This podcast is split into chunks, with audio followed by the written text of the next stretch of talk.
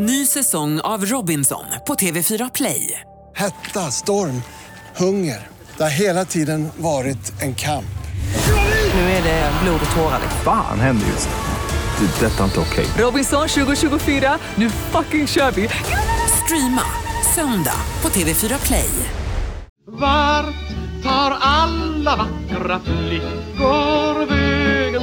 Och var kommer alla fula lea kärringar ifrån?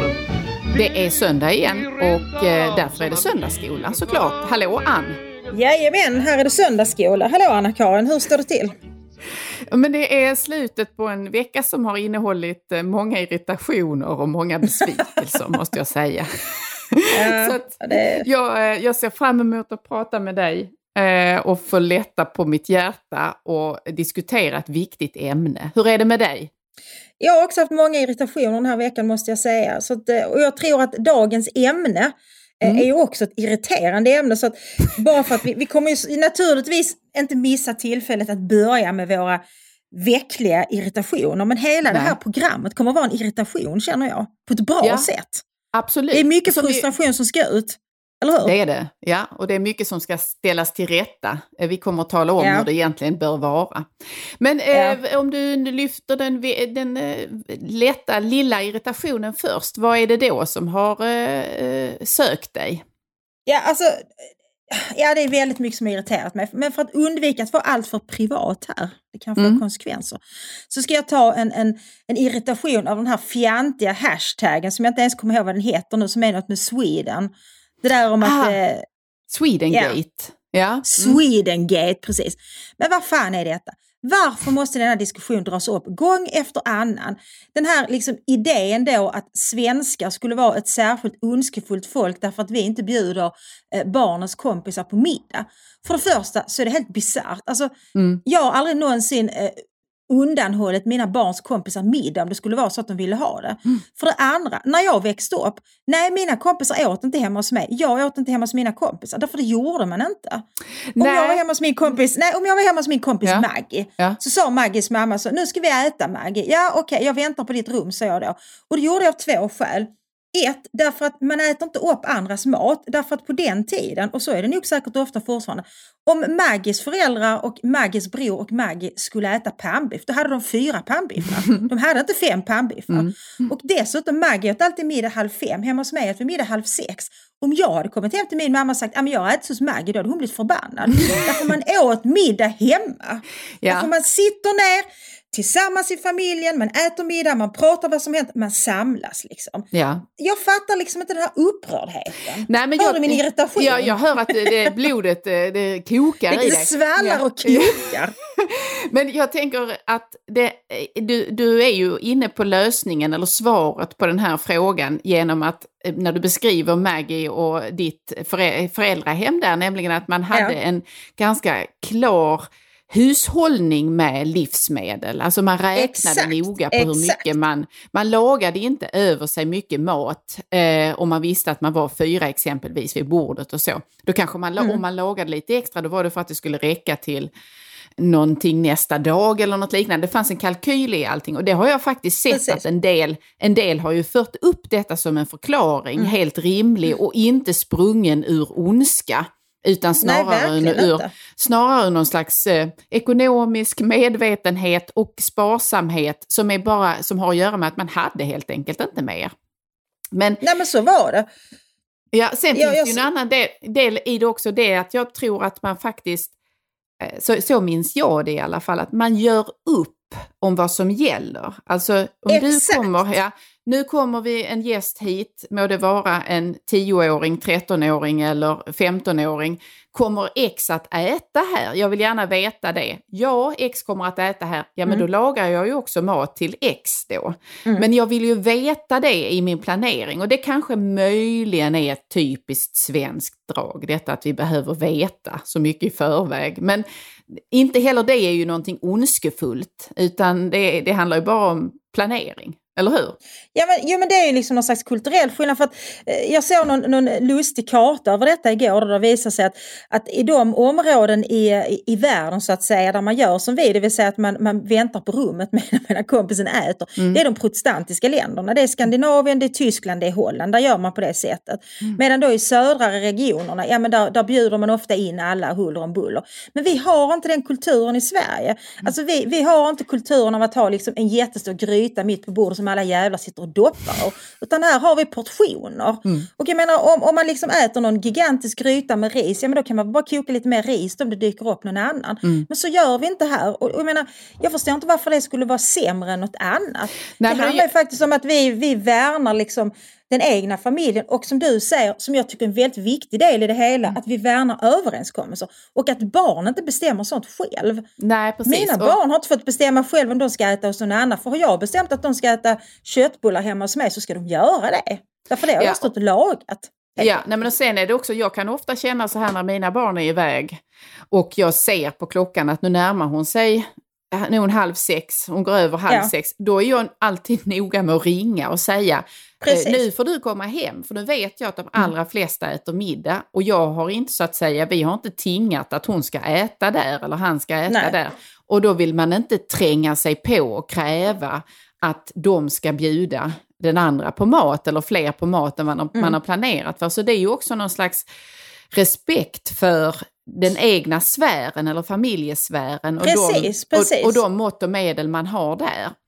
Eh, men, men jag måste säga samtidigt att i den händelse jag har varit kvar när jag var barn och jag var kvar hos någon när de åt så Mm. kan jag inte minnas att jag så att säga blev förvisad utan det fanns ändå någon slags om du vill ha så får du sitta här. Men jag tror nog mer att jag hade i mig att jag sa nej jag ska äta hemma då eller någonting sånt Mm. där. Eller så ringde man hem och frågade om man fick lov att äta.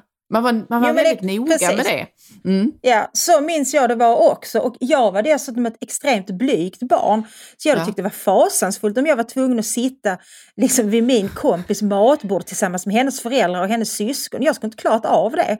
Jag, jag har också ett minne av att, att att de flesta kompisars föräldrar sa nu så ja nu ska vi äta, är du också hungrig Ann, eller ska du äta hemma? Ja, och då sa jag alltid så, nej jag ska äta hemma. Och om det någon gång var så att jag var i ett mycket bekvämt sammanhang och kanske de hade köpt pizza eller någonting. Ja. Då, då sa de så att jag, jag, jag ringer hem till din mamma och frågar så att det är okej. Alltså man gjorde så, Ja. man lät inte liksom en, en nioåring bestämma det själv att nu äter jag här istället. Så att, I grunden så handlar ju detta faktiskt som du säger om respekt för för liksom varandras individuella val och respekt för liksom olika familjers sätt att hantera sin vardag. Ja. Det handlar verkligen inte om, som någon idiot skulle göra det till att vi är ondskefulla och hur det nu skulle kunna vara ett uttryck för rasism är ju helt bisarrt. Så Ja. detta har jag irriterat mig storligen på, men nu känner jag att nu har jag fått utlopp för detta och vi har fått reda ut detta på ett bra sätt. ja. Så nu Ja. vet ni vad som gäller. Ja, jag, jag tänker irritera mig på någonting där jag tror tyvärr att jag är ganska ensam om att irritera mig på detta. Mm. Men jag tänker ändå eftersom detta är min podd, eller vår podd, och det är my göra det? moment, så tänker jag göra det ändå. Eh, Okej. jag tycker inte att vuxna människor i tätbebyggt område bör gå med ryggsäck. Jag tycker att vuxna människor bör skaffa sig andra former av väskor eller eh, eh, saker att hålla sina eh, utensilier eller vad nu är, dator eller liknande i. Ja. Jag tycker att det ser infantilt och löjligt och lite smått, vad ska jag säga, tillgjort ut detta med vuxna människor som går runt och som är på väg till ofta någon slags akademiskt arbete kanske. Och så har de en ryggsäck som vore de på väg till andra klass.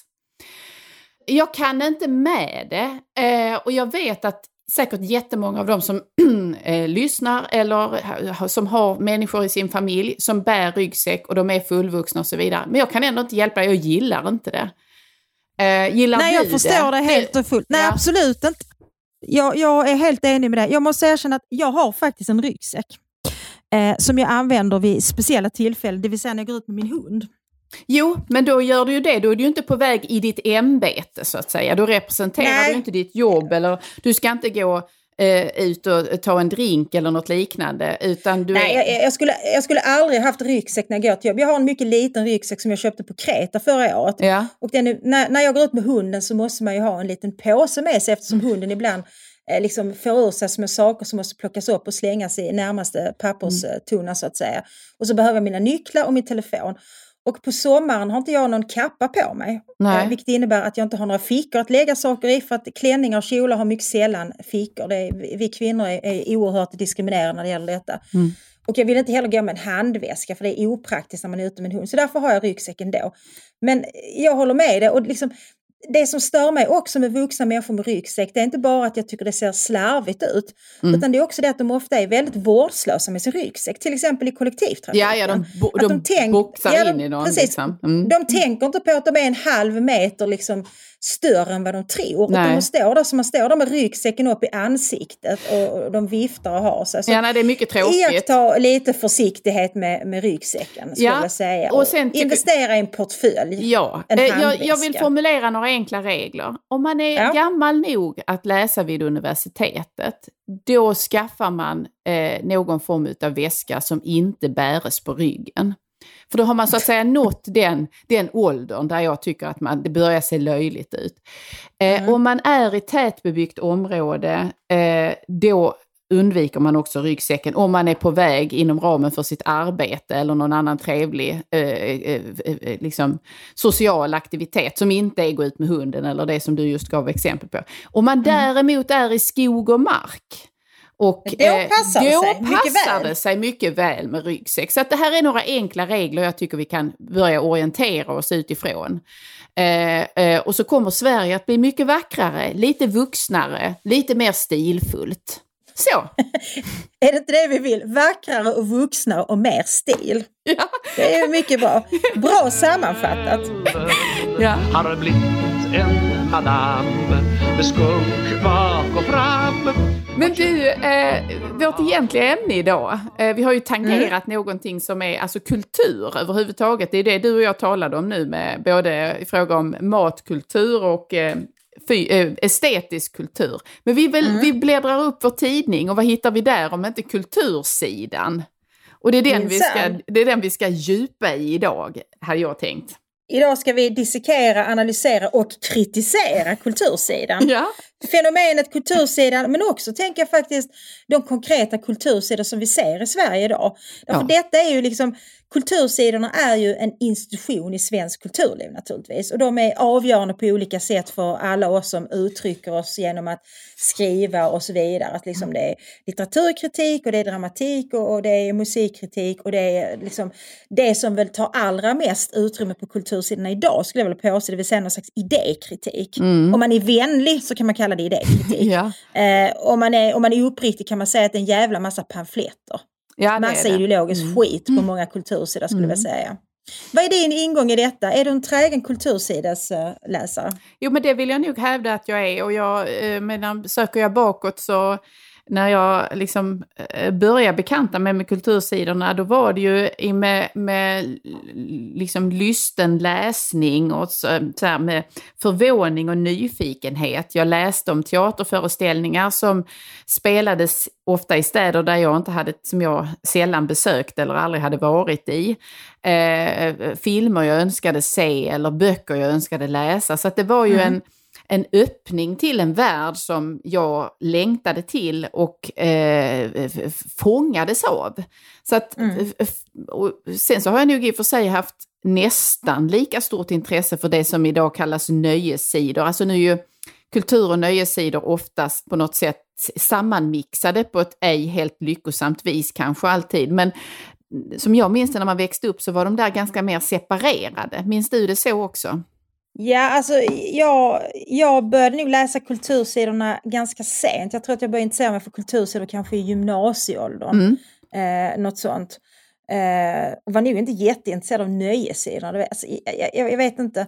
Men det är, jo, jag tror nog också att du har rätt i det att det var en Alltså det var en tydligare skiljelinje, men det är ju inte bara kultur och nöje som har smält ihop idag. Det har de ju gjort rent geografiskt så att säga, för de ligger ju ofta jämte varandra nu i tidningarna. Ja. Men jag menar att kultur, nöje och opinionssidorna har ju också smält ihop så till den milda grad att man ibland inte vet om man läser en ledarsida eller en kultursida. Nej. Eh, därför det är samma överallt och det, det tycker jag är en fattigdom. Därför att det du beskriver, Mm. du beskriver någonstans kultursidor och kulturjournalistik när det fungerar idealiskt. Det vill säga att det kan vara ett sätt att öppna en värld för en, en människa som inte har, har, har någon tillträde på ett annat sätt. Alltså om man är kanske uppväxt i en familj där man inte går på teater eller där det inte finns så mycket eh, böcker eller man liksom... Eh, alltså, Det är ju så kultursidorna ska, ska fungera, att det blir en, en port till något annat och kultursidan ska ju också hjälpa den som läser att förstå någonting, väcka nyfikenhet, förstå någonting eh, om sin samtid, förstå någonting om sig själv, få nycklar att förstå ett litterärt verk eller en idé eller någonting. Eh, och, och så, så skulle jag vilja att det var. Ja. Och det är väl också så man traditionellt tänker att kultur, kultursidornas, eh, kulturjournalistikens uppgift är. Tänker jag. mig. Ja, precis. Jo, nej, men och, och där, det, i den beskrivningen så innebär det ju också att verken, eller uppsättningarna, eh, boken, det är det centrala. Och den Mm. som går, går in i detta och ska beskriva och förklara och värdera det, eh, har en uppgift att förmedla det. den, den personen är inte viktigare än verket. Men glidningen idag är ju att det är skribenterna, det, det här är ju en glidning som har pågått under väldigt lång tid, men som jag tycker vi är på något Förhoppningsvis är vi på toppen av det nu och sen kommer det bli bättre. Eller så ballar det ur och så finns det inga kultursidor längre. Men där, där de här personerna är, eh, alltså de, de tar väldigt stor plats. Så till den grad att idén eller verket eller pjäsen kommer i skymundan för den här upplevelsen, som, eller personen som ska berätta om sin upplevelse. Och då blir det liksom lite mer, det blir, det blir för personligt om du förstår vad jag menar. Och det blir en spegling utifrån var den här personen var just då eller var man kom ifrån eller något liknande. Och inte den eh, djupa kontextualisering och analys som jag skulle önska att man klarade av att ge. Och sen kan man ju fråga sig vad det beror på, att vi är sämre idag på detta än vad jag menar att man var i en, i en eh, Ja. om vi går tillbaka några decennier. Ja fast det är väl en del liksom av den, den liksom personkult, alltså vi lever i en kultur som är väldigt personfixerad Mm. också liksom någon slags, alltså faktiskt någon slags identitetspolitisk eh, idé kring det hela. Att, att, att också liksom, alltså en väldigt tonvikt på det subjektiva, den subjektiva upplevelsen. För att jag tycker nog att den, alltså kritikerns uppgift om det är att liksom att, att eh, resonera kring ett litterärt verk eller en, en, en föreställning så är ju inte kritikerns uppgift framförallt att berätta vad han eller hon känner när han eller hon läser den här boken eller vad, vad den här boken, eh, hur den relaterar till just kritikerns liv utan det är ju snarare att, att placera verket i en större kontext. Ja, precis. Eh, Mm. liksom historiskt, estetiskt eh, och så vidare, ideologiskt. Och för att kunna göra det så krävs ju kunskap. Ja. Och jag tror att det är det som är den stora Det är skillnaden där skon klämmer. Mm. Ja, därför att jag menar det är klart att det fanns liksom sådana här personer som Lagerkrans och så vidare. Så det fanns ju, fanns ju kulturgiganter som var enormt stora namn på kultursidorna även för många decennier sedan. Mm. Men, men de hade ju inte erövrat den positionen bara genom att skriva om vad de känner eller vad de har växt upp eller vad deras kompisar tycker. Utan det hade de gjort genom att de hade snille, smak, bildning. Ja. När, jag, när jag började skriva på, jag, jag, jag började skriva för kultursidor, jag började skriva kulturkritik eh, nu ska vi säga 2002, då var jag själv doktorand på Lunds universitet.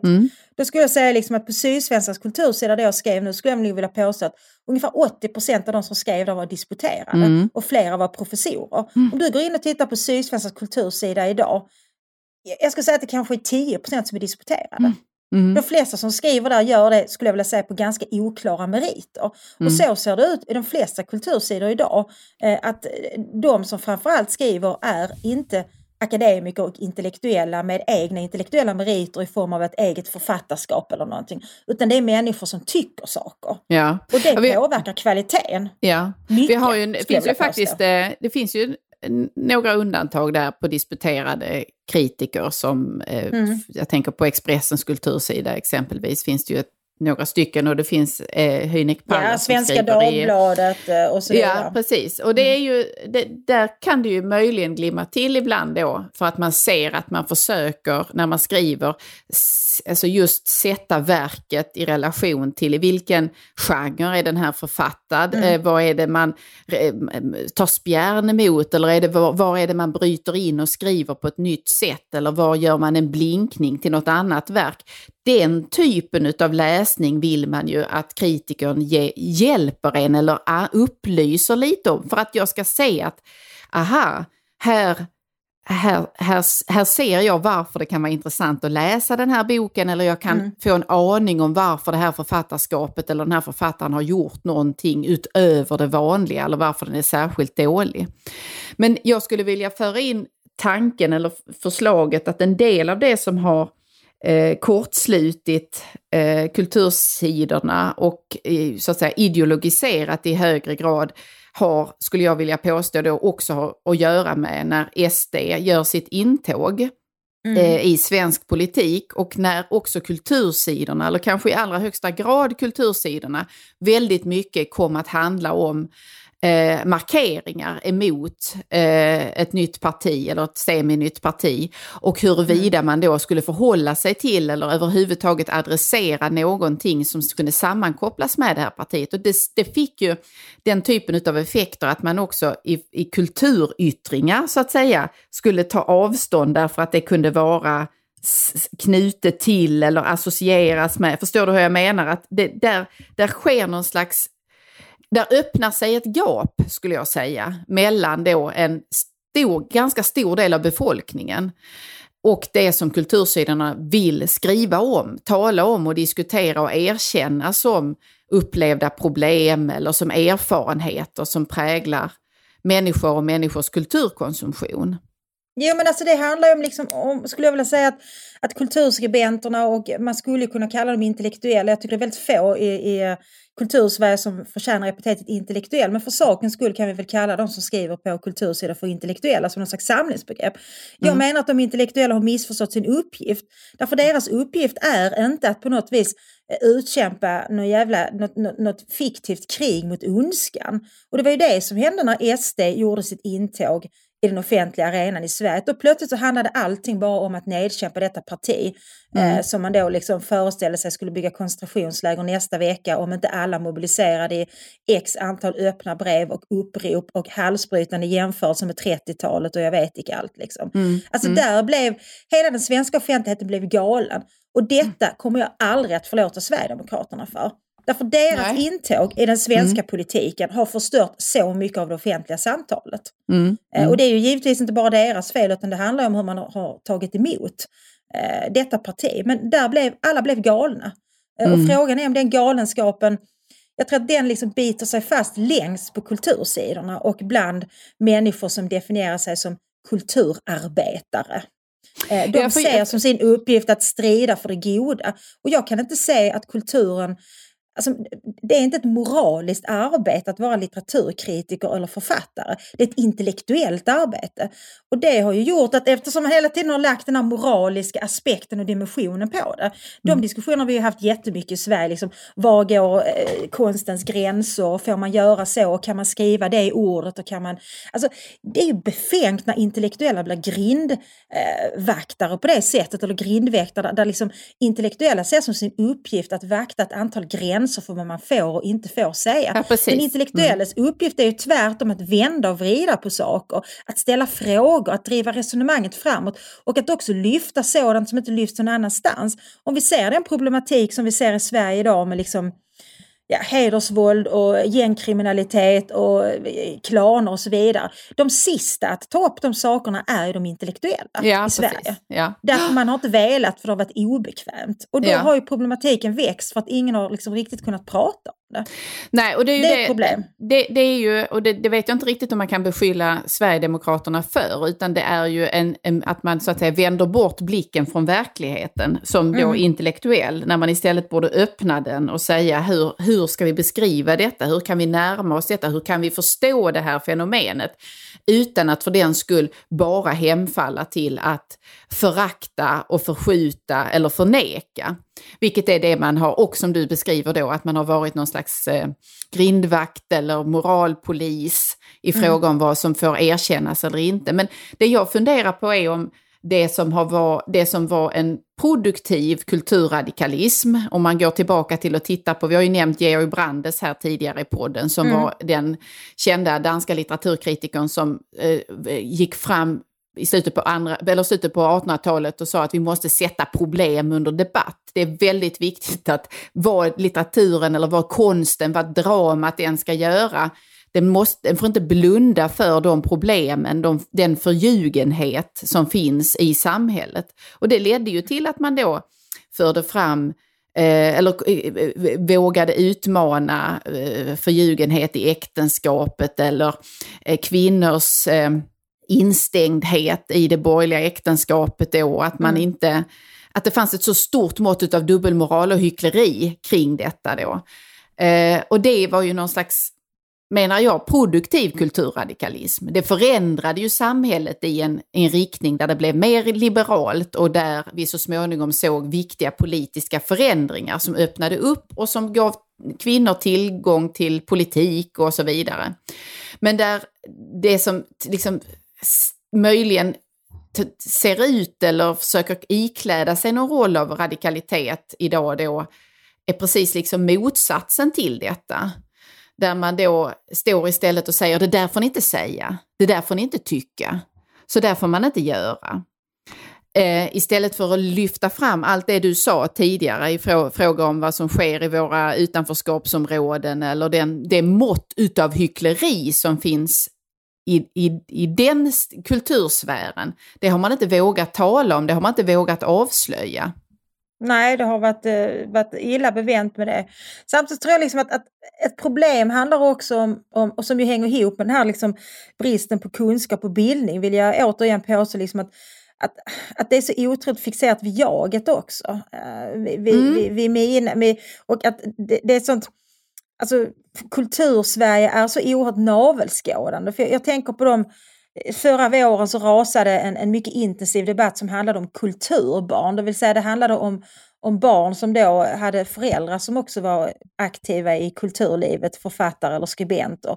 Och då handlade debatten om, om, om huruvida liksom de hade fördelar eller inte. Och den sortens debatter är oerhört, blir ju oerhört livaktiga på kultursidor. Men det är ju en debatt som sällan intresserar någon annan. Eh, Det är ju roligt för oss som skriver på kultursidor för vi känner ju varandra allihopa i princip.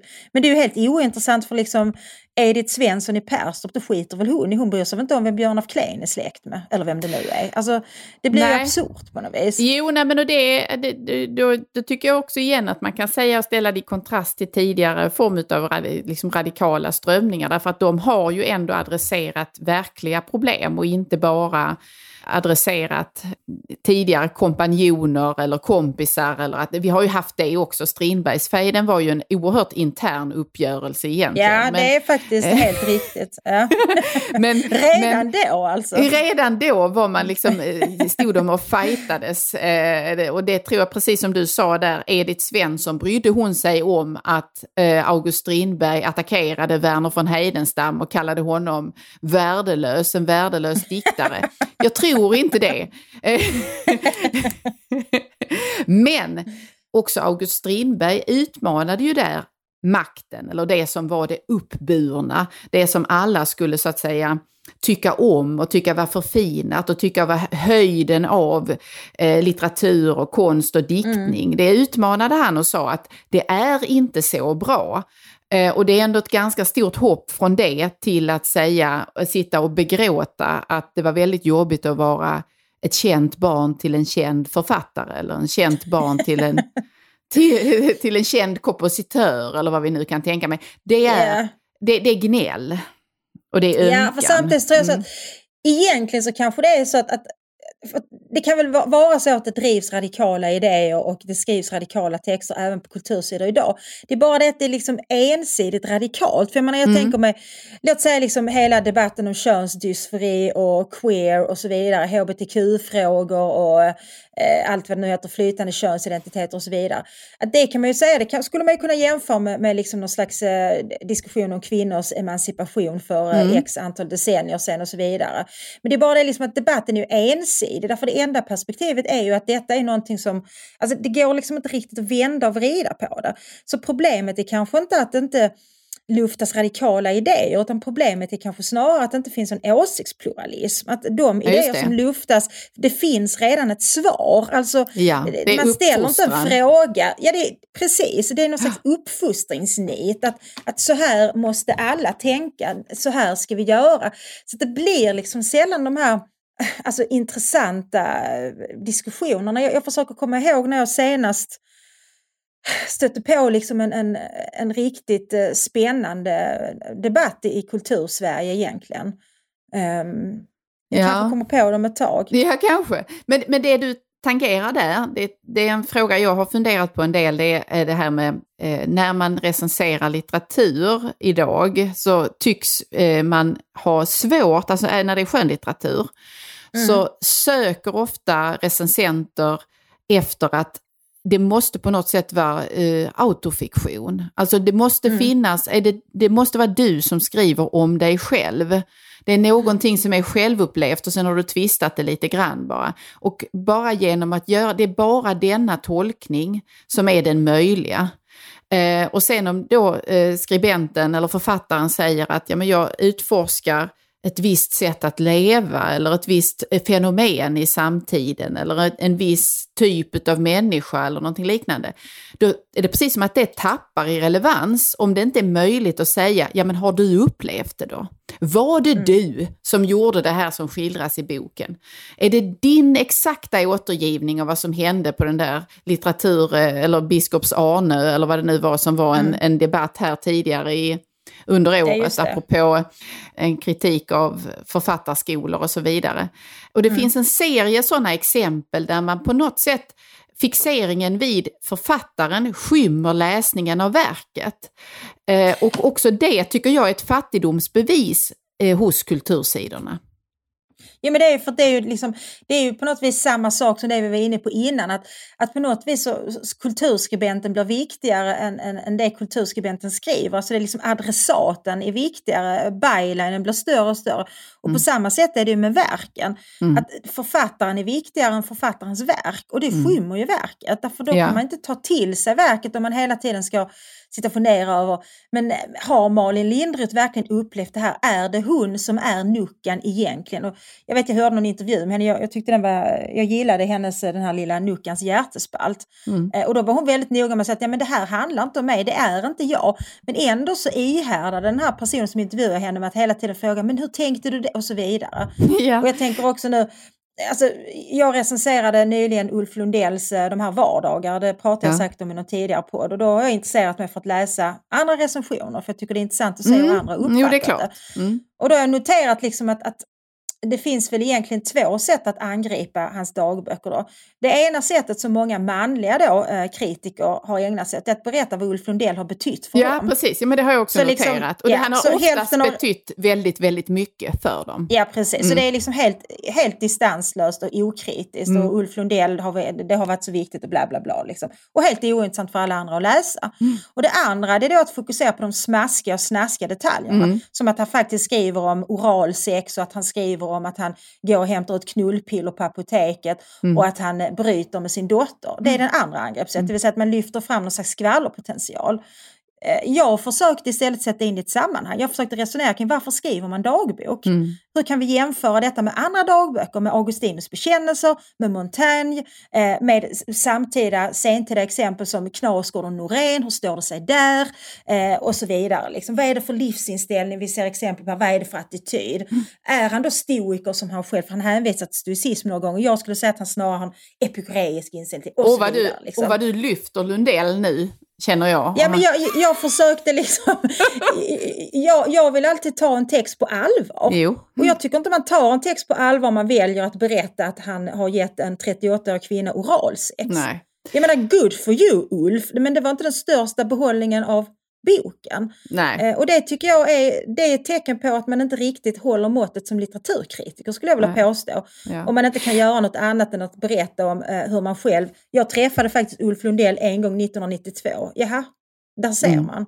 Ja, Eller tycker att väljer det att göra liksom kvällstidningsrubrikerna. Han bröt med sin dotter. Det är dåligt bara. Vi kan ju leka med tanken att eh, Henrik Ibsens Ett duckehjem eh, eller Hedda Gabler eh, recenseras utifrån frågan Har Henrik Ibsens hustru lämnat honom med en dörrsmäll som sen ljuder genom historien?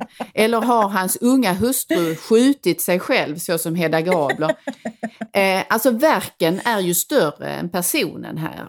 Personen gissar vi i de allra flesta fall försöker fånga ett fenomen eller något liknande och sen så djup, gå, gå på djupet i detta. Så är ju de stora verken gjorda. Och ibland handlar de naturligtvis också om, jag menar Strindberg igen, exempel på en person som hela, eller en författare som hela tiden skrev både om sig själv och om samhälleliga problem eller eh, liksom företeelser och så. Men det, det går, jag menar, följer man hans verk så ser man ju verkligen Strindbergs olika humörsvängningar och alla de relationer han hade och så. Men det är ju ändå väldigt tråkigt att bara läsa dem utifrån huruvida han var arg på Siri von Essen eller inte.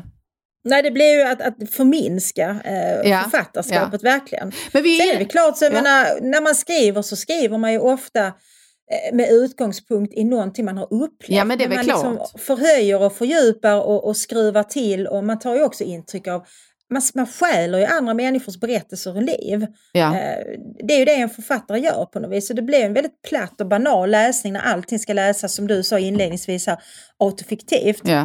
Ny säsong av Robinson på TV4 Play. Hetta, storm, hunger. Det har hela tiden varit en kamp. Nu är det blod och tårar. Fan händer just.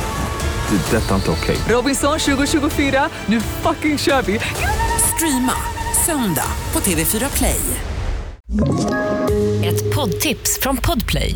I fallen jag aldrig glömmer djupdyker Hasse Aro i arbetet bakom några av Sveriges mest uppseendeväckande brottsutredningar.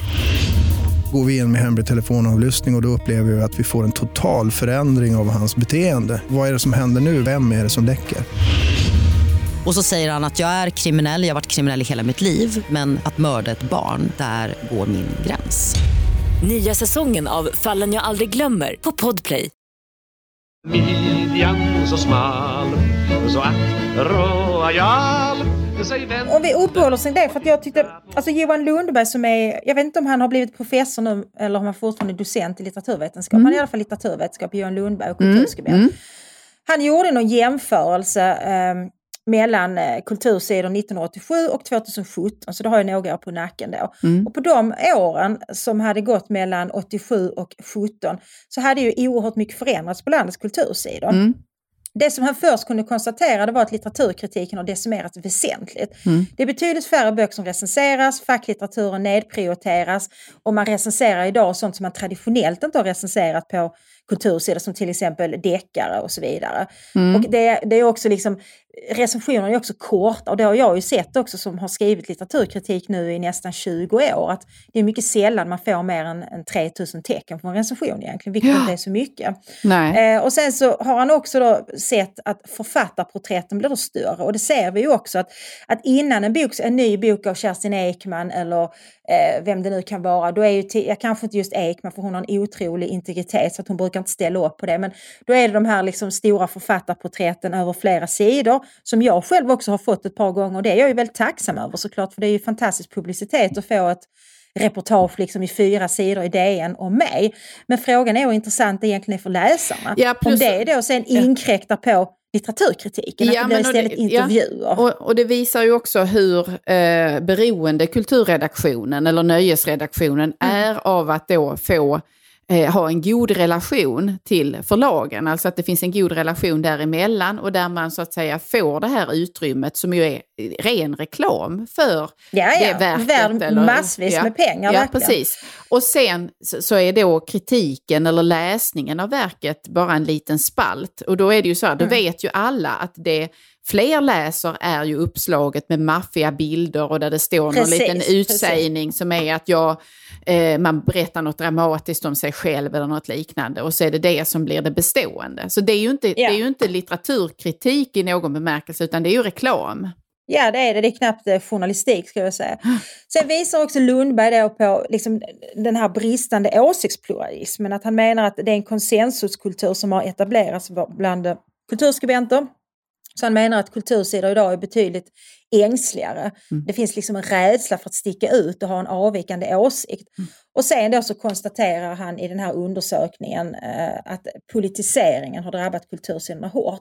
Och det, där tror jag du har en poäng, därför att jag tror att, att politiseringen har fördjupats och snabbats på av just SDs inträde. Mm. Därför då blev det så viktigt att ta ställning mot, det blev så viktigt att vara på rätt sida av historien. Vi har ju sett lite samma tendens när det gäller miljö och klimatfrågan. Jag kan ju ibland ifrågasätta varför det skrivs så oerhört mycket i detta ämne på kultursidor. Ja, det är märkligt. Nyheters eh, kultursidor är ju ibland... Det är en eh, klimatsida. Alltså, Ja, alltså kulturchefens eh, lördagskrönikor där, de, de är ju inte alltid så intressanta för den som är intresserad av kultur om man säger så. Kan Nej. jag tycka. Nej, men och sen, jag tror att den här tredje punkten som du tar upp om politiseringen, där Mm. det speglar också en glidning emellan led, det som vanligen sker på ledarsidorna. Mm. Eh, där de tydliga, så att säga, politiska texterna, eller där, eh, där tidningens färg, så att säga, kan visa sig och ska visa Mm. sig då. De- Dels så kan man se en polemik oftast emellan kultursidan i tidningen och det som drivs på ledarsidorna. Där de ligger i någon slags ständigt pågående skyttekrig skulle man kunna säga. Mm.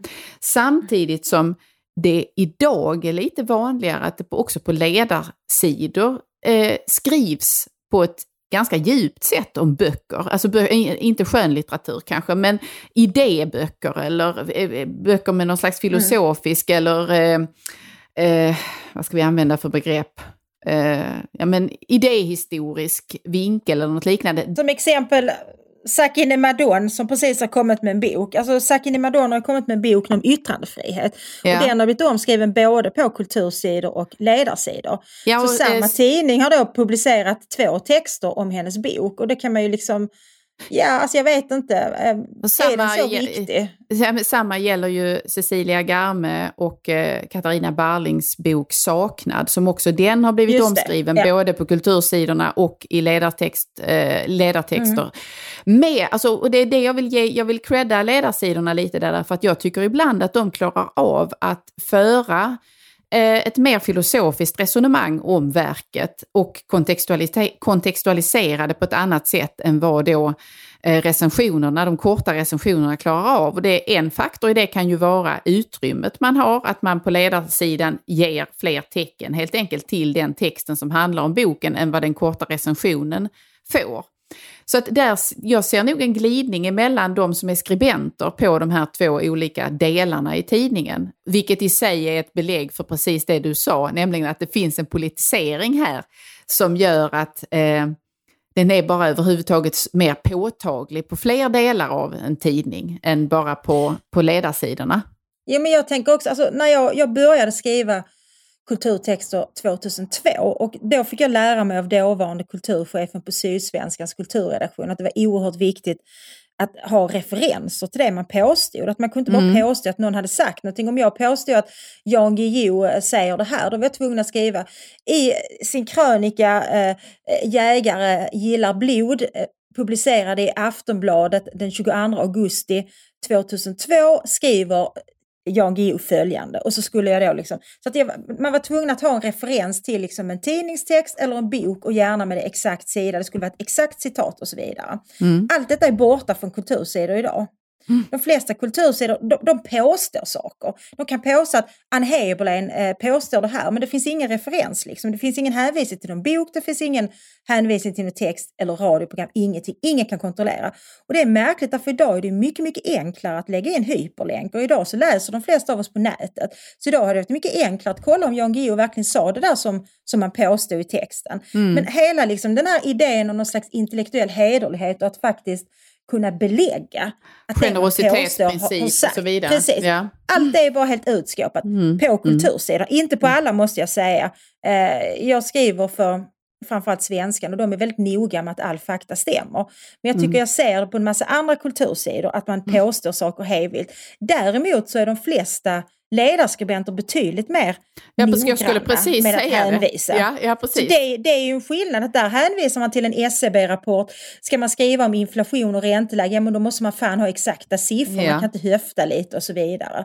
Så att där är ju opinionsjournalistiken eh, den är ju hederligare på det sättet skulle jag vilja säga. Ja. Att kulturskribenter tror jag, de tar sig större, eh, liksom ger sig själv större utrymme att fantisera så att säga. Mm, ja. Men du, jag vill eh, testa en tes här. Vad säger du om påståendet om det är så att det var svineriet som dödade kultursidorna i Sverige? Eller om det är svineriet som utsätter kultursidorna för eh, mordiska hugg hela tiden och för trovärdighetstapp. Och med detta menar jag då, alltså vi läser ju ganska ofta om kulturpersonligheter eller om personer som förekommer på kultursidorna då, eh, möjligen som skribenter också, eh, hur de beter sig på ett sätt som är allt annat än civiliserat och eh, respektfullt mot andra människor. Och jag tänker fram, naturligtvis på hela metoo-rörelsen och eh, dramatiken kring forum och alla de människor som involverades i, liksom, i- fanns i någon slags periferi kring detta, men där det ändå, oavsett vad man tycker om det, så är det ställt utom allt rimligt tvivel att det pågick ett jävla svineri kring detta. Och är det det som på något sätt har liksom urholkat slutligen förtroendet för de som då ska vara kulturens giganter eller intellektuella som du sa tidigare. Att, att vi, någonstans så vet vi alla att de svinar ändå bakom de där draperierna. Nej, nej, nej, nej det, det tror jag inte. Det, jag håller inte alls med dig. Det är inte alls mer, mer svineri tycker jag. Jag tycker precis tvärtom att det är den jävla moralismen som har dödat kultursidorna. Ja, det är moralismen, moralismen har ju tagit ko- du vet, liksom, När jag började liksom röra mig i, i kulturella och, och, Då var det svineri. kretsar, Ja. då var det jävligt mycket svineri. Det var sprit och det var hångel och det var fester det var folk som gjorde bort sig och de liksom grälade och de slogs och de spydde och de pissade och hade sig. Det var roligt. Idag är det så jävla tråkigt Anna-Karin. Alla står och vaktar på varandra. Ja. Folk vågar inte titta på varandra för det kan eventuellt vara sexuella trakasserier och ingen vågar bli full. Och ingen vågar ha en åsikt om någonting för det kanske är fel åsikt. Alltså det, det Men- är men- men- fasansfullt. Ja, men det är tar- fasansfullt tråkigt. Men om vi jag. samman de här två oli- extremt olika bilderna då, eller positionerna, Mm. och säger, jag säger så här, kan det vara kombinationen av de eh, liksom pekpinnarna i röven då och eh, eh, den höga svansföringen och eh, förkunnelsen om klimatkrisen och allt vad det nu är på kultursidorna i kombination med att det läcker ut sånt här svineri ändå emellanåt som gör att man inte riktigt känner att det är trovärdigt. Fast Jag- jag, jag, jag, jag, delar inte riktigt en analys att det skulle läcka ut mer svinerier idag än vad det gjorde låt säga för Nej. 10 år sedan eller för 50 år sedan. Därför att det har väl alltid funnits, det som har hänt är att genier inte längre har carte blanche för att bete sig hur de vill. Nej, För inte fan precis. var liksom Strindberg något föredöme. Alltså det har väl alltid varit så liksom att eh, framförallt män i kulturlivet då, de har liksom eh, svinat och supit och betett sig som as och slagits med varandra och bedragit kvinnor och gjort folk Mm. Du och jag har ju skrivit en text om kvinnor. detta.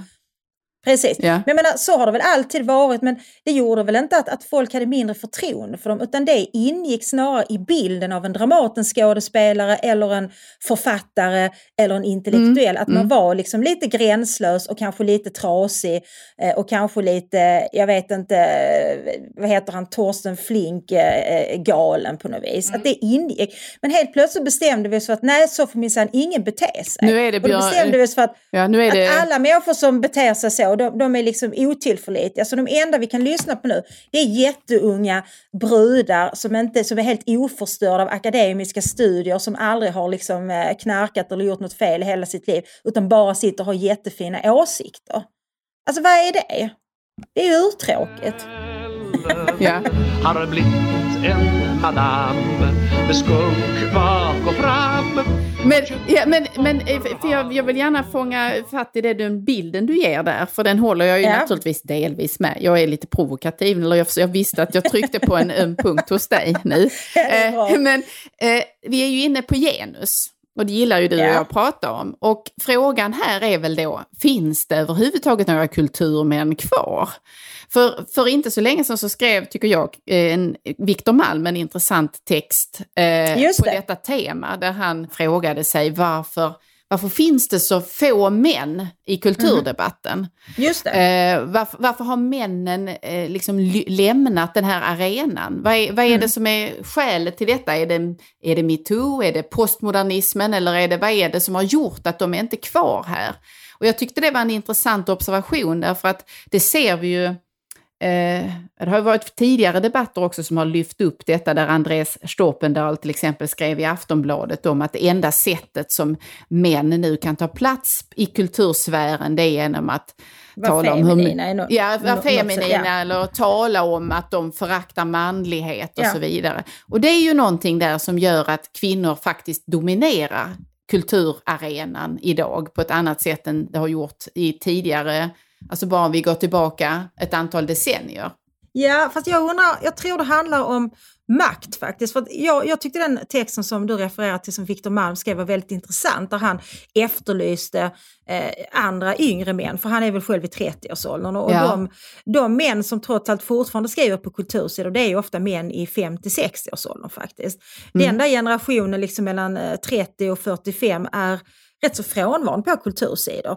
Och de är också, som Åsa Bäckman påpekade i en tidigare debatt, också frånvarande som romanförfattare. För att det är ytterst få yngre manliga eh, författare som publiceras i Sverige. Det är ju liksom eh, de stora giganterna då som fortfarande publiceras. Sen är det yngre kvinnliga författare som skriver Mm. sina erfarenheter. Men jag resonerade i alla fall kring, eh, min man och jag diskuterade detta då, vad kan det bero på? Jag frågade honom Mm. så sa han att han trodde att det handlade om att kultur och litteratur har inte längre någon makt. Alltså, det, det, han, han menar liksom på något i och för sig rätt så eh, eh, misogynt sätt att, att när kvinnor tar sig in på en arena och äger en arena, då förlorar den arenan i makt och attraktivitet för män. Det har vi ju sett i liksom kyrkans värld till exempel. Vi har sett det när det blev fler kvinnliga än manliga läkare eh, och så vidare. Att, att när kvinnorna dominerar så tappar liksom sysselsättningen eller eh, arenan i, eh, i attraktivitet och i status. Och Ja. samma har då hänt i kulturvärlden, att eftersom kultursidorna idag domineras så väldigt mycket av kvinnor så är det inte intressant för män att finnas där längre. Utan de slåss då på andra arenor istället. Men eh, ja, om jag, ja, jag förstår hur, eh, hur han resonerar, men om jag får polemisera mot hans eh, sätt att se det så, så eh, tänker jag så här att kvinnor dominerar ju på väldigt många arenor just nu. Eh, och har tagit över, eh, inom citationstecken tagit över, men dominerar också högre utbildning i, i mycket högre grad än vad det var bara för eh, liksom 50 år sedan eller 40 år sedan. Och det, det gör ju också någonting där, där liksom hela rekryteringsbasen, där vi talade tidigare om i fråga om det fanns många av dem som skriver på kultursidan som var disputerade eller inte. Ja, eh, om det inte är så många män in överhuvudtaget i eh, forskarutbildningarna i litteraturvetenskap eller liknande, ja då är det ju klart att det inte kommer så många därifrån hen, sen vidare upp i systemet heller, eller över till kultursfären. Och jag tänker också att det spelar väldigt stor roll att man från så många olika kulturarenor, eh, alltså på något nästan besatt vis har efterfrågat eh, eh, att det ska vara normkritik eller att det ska vara att lyfta kvinn, kvinnliga erfarenheter eller att man ska lyfta fram kvinnor ur historien eller något liknande. Alltså det är ju nästan som när man går in på någon utställning idag så är det ju att man kan, man kan liksom nästan sådär man behöver bara kasta en blick så vet man om den här utställningen har de fått pengar för därför att de sa att de skulle lyfta fram några glömda kvinnor ur historien. Mm. Jo, jo, och så känner man att nu vet jag exakt vad den här kommer att berätta för mig. Och det har väl också drivit på den här utvecklingen, tror jag.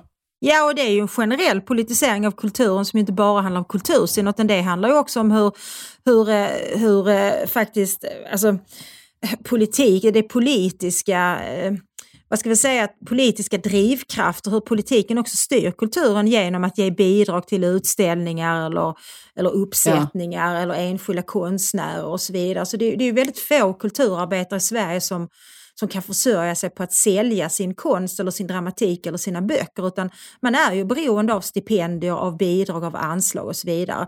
Och ska man få de här mm. bidragen eh, och stipendierna så ska man liksom ticka i ett antal boxar som ofta handlar om eh, olika typer av perspektiv. Liksom. Det, det är mm. liksom eh, ja, genus känns väl gammalt nu, nu är det andra perspektiv som är viktiga. Det är intersektionalitet och det är rasifierade och, ja, och det är precis. ditten och datten. Liksom. Ja. Och det är liksom, Alltså det skapar ju tråkig kultur skulle jag säga och det skapar också ett ängsligt kulturklimat. Och det där anpassar sig ju kulturskribenterna efter också på olika sätt. Men mm.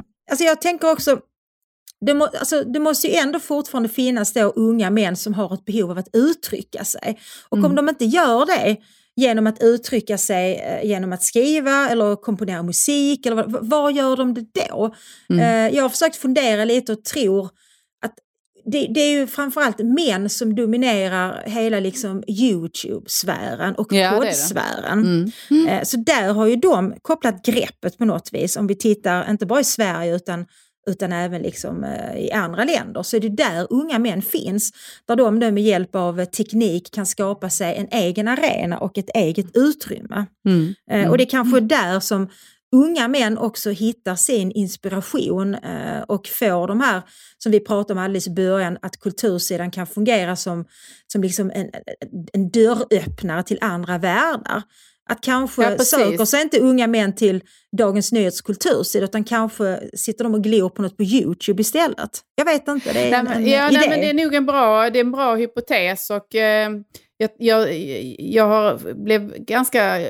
Alltså det störde mig otroligt mycket när... Eh, vi, har ju, vi har ju haft ett specialavsnitt här i podden om Jordan B. Peterson och vi, mm. du och jag har skrivit lite grann om honom också. Eh, och jag... När hans stjärna liksom steg då som allra skarpast, ibland i fråga om att han hade fick många följare och lyssnare och så vidare. För hans stjärna har ju aldrig stått särskilt högt i kurs på någon kultursida. Utan där har man ju framförallt ägnat sig åt att raljera över honom. Ja, Men han hade ju, ja precis, han hade ju till en begynnelse i alla fall framförallt unga män som följde honom och intresserade mm. sig för honom. Och jag tyckte det var så genant att se och plågsamt att läsa alla dessa som då eh, la ut, alltså utgöt sig och spydde på hur alltså, pinsamt banalt det var att dessa unga män sökte sig till hans då, eh, föreläsningar eller hans råd för att skärpa upp sitt liv och finna mening och göra sitt bästa och så vidare. Och jag tänker just att om det är det som möter en, när man, om man har mm. hittat någonting som man läser och följer och finner djup i, och sen slår man upp en tidning eller går ut, in, ut på nätet och tittar på någon kultursida och så ser man att just det som jag tyckte var bra, just det som slog an någonting hos mig, det hånar de, det spyr de på, det föraktar de. Då ökar ju det gapet otroligt mycket mer. Det fanns ju ett fåtal skribenter som gjorde i alla fall en ansträngning att försöka förstå vad är mm. det i det här som gör att de följer det och vill liksom ha mer och mer och mer? Och heder åt dem skulle jag säga, för att det, är precis så en intellektuell ska verka. Man ska inte ägna sig åt att bara förakta det som verkligheten visar, utan man ska försöka förstå det. Precis, för jag menar föraktet är ju den enkla vägen, eller hur? Att bara avfärda någonting som löjligt eller dumt eller, eller mm. hur man nu väljer att avfärda. Men är inte det här också ett uttryck för att att liksom vi lever i en kultur som inte är särskilt intresserad egentligen av unga mäns erfarenheter. Mm. Den är, vi är inte så intresserade av att veta hur en, en ung man i Borby tänker eller en ung medelklasskille i, i Malmö tänker. Eh, utan om det ska vara, liksom, ska det vara manliga erfarenheter så måste det vara liksom någon som har växt upp i ett utanförskapsområde och är gängkriminell och sen har slutat vara gängkriminell. Ja, alltså det är de berättelserna som, mm. som det mm. finns ett sug efter. Mm. Men alla de här liksom, eh, mindre gängkriminella unga männen så att säga, vem lyssnar på dem? Ja. Eh, medan Nej. kvinnors erfarenheter ska ju tillmätas en oerhörd vikt hela tiden. Ja. Våra ja. erfarenheter ska ju malas och, och ha sig. Men det var också så intressant, det var, nu kommer jag inte ihåg vem det var som, som skrev om detta, men eh, Eh, alltså just därför den här debatten om föräldraskap som har varit nu, eller rättare sagt moderskap då och eh, kvinnor som, som ångrar sitt moderskap. Och då var det mm. någon som efterlyste männens erfarenheter och då var det en mm. manlig skribent som skrev, men jag är inte intresserad av att skriva om det. Jag, och jag menar, det, det, måste man väl också respektera. Ja, eh, att precis. människor har, eh, kvinnor, vi är nog till vår natur något mer navelskådande. Eh, och det ja. kan vi ju få vara, men vi, vi kanske inte ska, kan kräva av männen att de ska gå in i samma liksom, eh, eh egocentriska virvel som vi kan Nej, göra men jag ibland. Skulle nu, jag skulle vilja dra det ännu längre och säga att det har varit det var under en tid nyckeln till att få utrymme. Det var att så att säga gå in och vända ut och in på känslolivet. Mm. Det var det som då skilde sig mot det som tidigare var normen.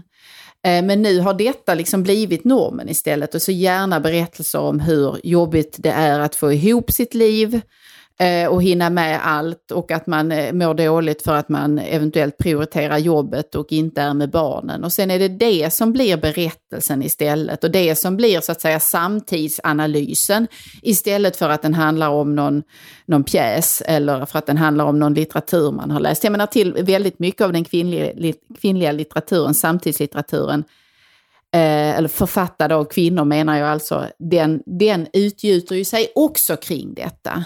Att det är så att säga medelklasslivet och jobb, det jobbiga är att hinna med allt och att man känner att man försakar sig själv och så vidare. Jag tycker det är ganska tröttsamt måste jag säga. Jo men alltså det är också, förlagen ger ju också ut de böcker som de tror att folk vill läsa och nu är det ju så att det är ju framförallt liksom medelklasskvinnor som läser. Men det är ja, klart jo, att det, blir, det blir en, en självuppfyllande profetia för ger man ut väldigt mycket böcker som just handlar om medelklasskvinnornas vedermödor med att få ihop sitt livspussel. Då är det klart att då kanske inte det är så intressant för, för jag är ju inte så jätteintresserad längre av att läsa hur jobbigt det är att ha små barn till exempel. För den tiden är förbi för mig. Jag skulle vilja läsa en annan typ av böcker. Jag skulle vilja läsa, jag tycker det är fantastiskt som jag ibland liksom stöter på en tv-serie eller en film där det är liksom, eh, låt säga en stilig kvinna i 60-årsåldern som fortfarande vill ha sex. Alltså förstår du vad jag menar? de, de, de bilderna, det finns inte riktigt i, i det svenska kulturlivet. Det finns inte romaner, det finns inte filmer, det, det finns inte tv-serier där kvinnor i det stadiet i livet jag befinner mig får finnas och ta plats som en fullödig person med liksom eh, idéer och, och, tankar och så vidare. Mm. Utan det är liksom hela tiden det jävla relationella klätet. Eh, mm. och jag, jag vågar hävda att även kvinnor intresserar sig för idéer. Vi är inte mm. bara intresserade av relationer och av eh, vårt utseende och av eh, barnuppfostran och av att hata männen, utan vi kan mm. också vara intresserade av en abstrakt idé som idén om det vackra, det sköna, det goda eller vad det nu mm. kan vara. Mm. Men sådana idéromaner ges mycket, mycket sällan ut i en svensk kontext skulle jag vilja påstå. Mm. Men jag tänker att en, en kulturdebatt som eh, jag eh, läste med stor glädje och eh, som jag tyckte också gav just eh, liksom, eh, nya inspel och som flyttade hur man pratar om vissa saker. Det var när Knausgård skrev den här eh, rasande texten eh, om det svenska kulturetablissemanget och kallade mm. Eh, oss alla då, eller eh, det, för att vara en samling cykloper.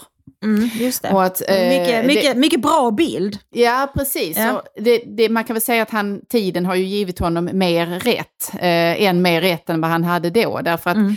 det, det, är ganska gott om cykloper nu också skulle jag säga. Och han, vad han menade då är ju att en cyklop kan ser bara en, alltså ser endimensionellt, kan inte mm. hantera ambivalens mm. eller det som är dubbelt. Det är bara det som du sa, det är antingen gott eller ont, det är inte nyanserna däremellan. Och blir, om någon antyder någonting som är eh, lite svårgripbart eh, och som mm, skiftar karaktär eller där det under läsningen eh, visar sig att den, den som man tror är god först gör, begår förgripligheter men författaren fortsätter att lägga sina sympatier hos denna människa, då blir cyklopen arg, för så får man mm. inte göra. Och så frågar sig cyklopen, är detta autofiktion? Är det du som har gjort detta? Skri är, det, är det dig själv du skriver om? För om det är det så tycker vi inte om dig längre.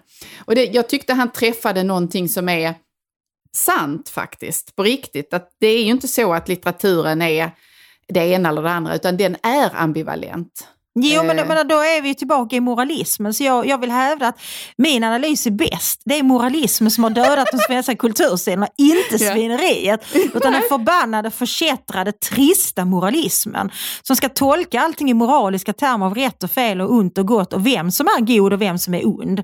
Och har Men du verkligen sagt detta, var det du som gjorde detta? Har du fantiserat om en 14-åring? Jaså, jaså, jaså. Alltså, Ja. Det är vansinnigt och tråkigt. Men, men skulle vi inte kunna enas då kring att moralism, det är en form av svineri och detta bör upphöra? Ja, jag tycker det blir en bra sammanfattning. Det, är det största svineriet, det är moralismen och detta Ja, det måste det. upphöra genast. Särskilt på kultursidorna. Ja, särskilt på kultursidorna. Och det vore ju inte så att vi eh, hade ägnat en hel timme lite drygt åt detta om det inte var så att vi tycker väldigt mycket om. Vi tycker kultur är viktigt och vi tycker om att läsa så att vi vill väldigt gärna att de ska vara så bra som möjligt, eller hur? Eh, och det, Absolut. ja. Så eh, alla som lyssnar på oss kan väl dela, vad är den bästa kulturdebatterna? Vad har gett er mest liksom, in, livsinjektioner? Vad har fått ert blod att rusa i form av svensk kulturdebatt? Eller för den delen kanske internationell kulturdebatt. Det finns ju gubevars kulturdebatt i andra länder också. Ja, och man kan väl ändå säga så att, att de svenska kultursidorna är ju inte helt misslyckade för vi har ju ändå lyckats fylla här nu ansenlig tid med att hetsa upp oss över olika debatter som har varit eller icke har varit, som borde ha varit och så vidare. Så att eh, utan tvekan så lyckas ju faktiskt även eh, våra eh, svenska tidningars kultursidor engagera. Så kan vi väl Ja, uttrycka det. Precis. Och det tackar vi för. Det tackar vi för, ja precis. Ja. Och så eh, hoppas vi att ni delar det här avsnittet, att ni prenumererar på podden eller går in och skriver en recension av den. För att då växer Söndagsskolan och så småningom kan vi också starta vår egen kultursida då. Ann och jag. Ja, det ska vi göra. Det tycker jag är ett bra mål. Ha det fint hörni. Eh, Håll resten av söndagen i, i stilens och kulturens tecken, tycker jag. Hej då! Hej då! Vart tar alla vackra former vägen? Och var kommer alla hakorna på makorna ifrån? Ny säsong av Robinson på TV4 Play. Hetta, storm, hunger. Det har hela tiden varit en kamp. Nu är det blod och tårar. Fan händer just nu. Det. är Detta är inte okej. Robinson 2024, nu fucking kör vi! Streama söndag på TV4 Play.